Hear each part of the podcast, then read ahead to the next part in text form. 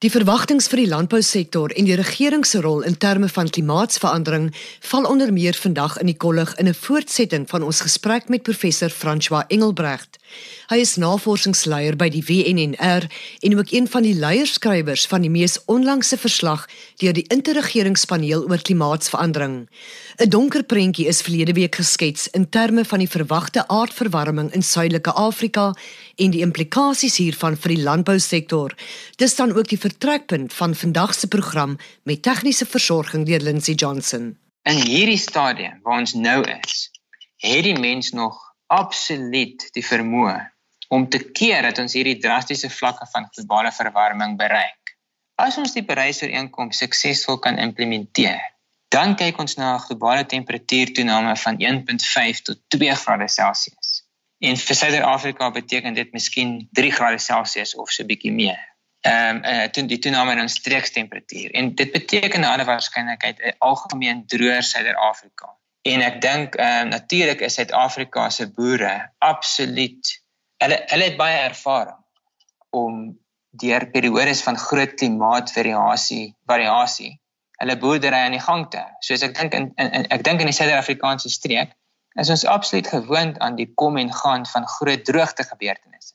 Die die groot uitdaging vir ons in die oor die, selfs oor die volgende 2 tot 3 dekades, selfs selfs in die scenario waar die Parys-ooreenkoms 'n sukses is, is dat ons nog steeds te doen gaan hê met baie groter hittegolwe ehm um, as waarna ons gewoond is en ons gaan meer gereeld te doen kry met sogenaamde multi-jaar droogtes. Dit is dit is nog moontlik om deur 1 of 2 jaar van droogtes aan te hou boer en die die plaas aan die gang te hou.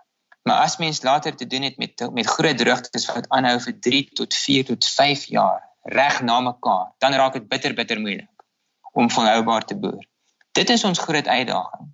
En ek dink elke sektor in Suid-Afrikaanse landbou moet baie baie nou kyk, baie nou gesit kyk na die die geprojekteerde veranderings wat voorspel word vir klimaat vir die gedeeltes van die land wat belangrik is vir daardie sektor. En dan moet ons so ver as moontlik probeer om aanpassings te maak en ons boerderye so weerstandig as moontlik te maak um, teen die impakte van klimaatsverandering. En dit sal natuurlik ingrypende veranderings in leefwyse en verbruikersgewoontes vir die man op straat, Jan publiek ook wees. Nee, dit is absoluut waar. Ehm um, voordat ek miskien 'n bietjie uitwy oor wat die algemene publiek kan doen, wil ek miskien net nog ook een laaste gedagte deel oor die landbou. Ek ek dink in terme van landbou en voedselsekuriteit in Suid-Afrika gaan ons baie meer innoverend moet word in terme van waar ons boer en in terme van hoe ons handel dryf met kos in Suid-Afrika.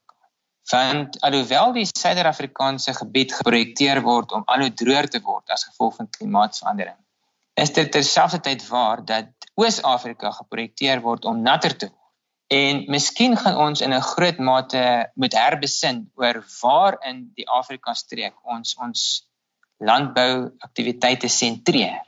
En ek dink ons gaan toenemend moet moet werk na innoverende maniere hoe ons handel dryf met kos, elektrisiteit en water in Afrika.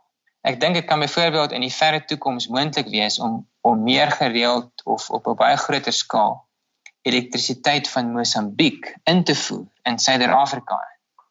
En ons kan dalk selfs water vervoer van sy sê die Zambezi rivier in Suider-Afrika. Nou, ehm uh, sulke skemas is natuurlik 'n ongelooflike impliseer natuurlik 'n ongelooflike in, investering in infrastruktuur. Maar ons gaan op hierdie skaal moet dink as ons werklik volhoubaar wil lewe in die Suider-Afrikaanse streek onder toenemende klimaatsverandering. Professor Engelbrecht, nou wat Jan publiek, die man op straat betref, hoe gaan ons ons lewenswyse en verbruikersgewoontes moet verander? Wel ons moet natuurlik al probeer om so omgewingsvriendelik te lewe as wat ons kan. Ek dink die die van ons wat dit kan bekostig, moet probeer om hulle huishoudings om te skakel van steenkool-energie na sonkrag toe. Dit is ongelukkig aan hierdie stadium nog steeds baie duur. Ek ek dink dit verg 'n hele paar honderd duisend rand om jou huis sogenaamd van die van die grid af te kry. Ons moet soveel bespaar op ons energieverbruik as wat ons kan. Ons as Suid-Afrikaners moet ons regverdige deel bydra om klimaatsverandering te bekamp. Ons moet ook besef dat ons in Suid-Afrika alleen nie dit in ons hande het om klimaatsverandering te voorkom of te bekamp nie. Die die stryd teen klimaatsverandering en die vermindering van kweekhuisgasemissies die atmosfeer in is absoluut 'n internasionale probleem. En in die besonder het ons nodig dat die FSA en China groot verantwoordelikhede gaan aanneem in hierdie proses. U praat nou van die internasionale poging wat benodig word, maar prakties gesproke, waar begin ons hier in Suid-Afrika om eienaarskap te neem? Wat is die stappe wat nou gedoen moet word? In Suid-Afrika as ons werklik 'n betekenisvolle bydrae wil lewer teen die stryd van klimaatsverandering, dan moet ons ons energie, ons sogenaamde energie mengsel van hoe ons ons ekonomie aan die gang hou verander. Ons kan nie voortgaan met ons afhanklikheid van steenkool as ons hoofbron van energie nie. So ons het 'n daadwerklike ehm um, nasionale poging nodig om ons energieverbruik te verander. Ons moet baie baie meer van ons energie kry uit sonkrag uit en uit windkrag uit en as die internasionale gemeenskap deur die Parys-ooreenkoms ons kan help om dit te befonds ook uit kernkrag uit.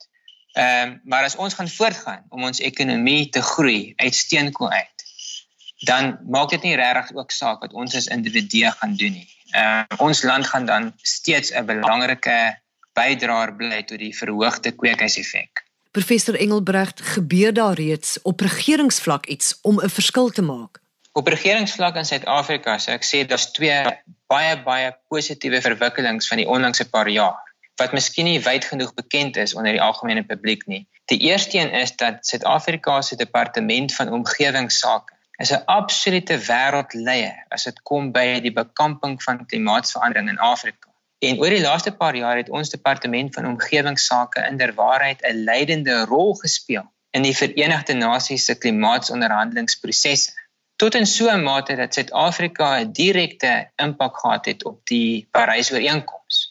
En die hele feit dat die die wêreldwye poging nou verskuif het om te probeer om klimaatsverandering te bekamp van tot 2°C na die baie moeiliker drempelwaarde van 1.5 grade Celsius Afrika het 'n baie groot rol gespeel en Suid-Afrika het 'n baie groot rol gespeel om hierdie meer strenger teiken in terme van die bekamping van die kweekhuiseffek of die vermindering van die kweekhuiseffek na te jaag.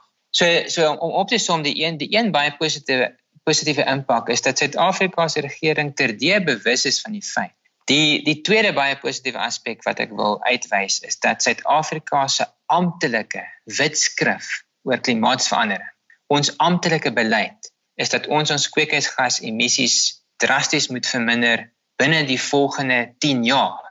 So die amptelike teiken is min of meer dat ons teen die jaar 2025 'n sogenaamde plateau in ons emissies moet bereik. So van die jaar 2025 af moet ons nie meer verder effektiewelik koolstofdioksied die atmosfeer inpomp nie. So ons moet effektiewelik opbou om koolstof om steenkoolkragsentrale te bou. En dan in, in ons in ons land se amptelike plan het gee ons onsself 'n periode dan van so 10 jaar waar ons min of meer op dieselfde vlak van van koolstofdioksied emissies die atmosfeer in bly. En dan is dit ons beleid om ons emissies van daardie periode so iewers in die 2030s met ons emissies begin afneem. En dit beteken ons moet hierdie groot omwenteling maak van 'n afhanklikheid van steenkool na die alternatiewe bronne van energie waaroor ek reeds gesels het. So in terme van sowel ons ons verwagting van groter impakte in ons streek en ook in terme van ons verantwoordelikheid om ook koolstofdioksied emissies te verminder, het ons die beleid in plek.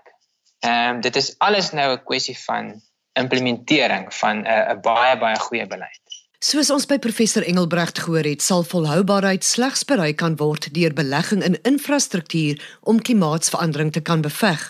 Ons het ook gehoor dat bekamping 'n internasionale poging moet wees, maar dat elkeen van ons ons deel kan doen deur hernubare energieverbruik. In die woorde van die voormalige en nou ontslape sekretaris-generaal van die Verenigde Nasies, Ban Ki-moon, Ons is die eerste generasie wat daartoe in staat is om armoede te beëindig en die laaste generasie wat die nodige stappe kan doen om die ergste gevolge van klimaatsverandering te kan suistap. Toekomstige generasies gaan ons streng veroordeel as ons nie ons morele en historiese verpligtinge nakom nie. Die program word ondersteun deur die Wes-Kaapse Departement van Landbou. Onthou die aarde is kosbaar, kom ons bewaar dit.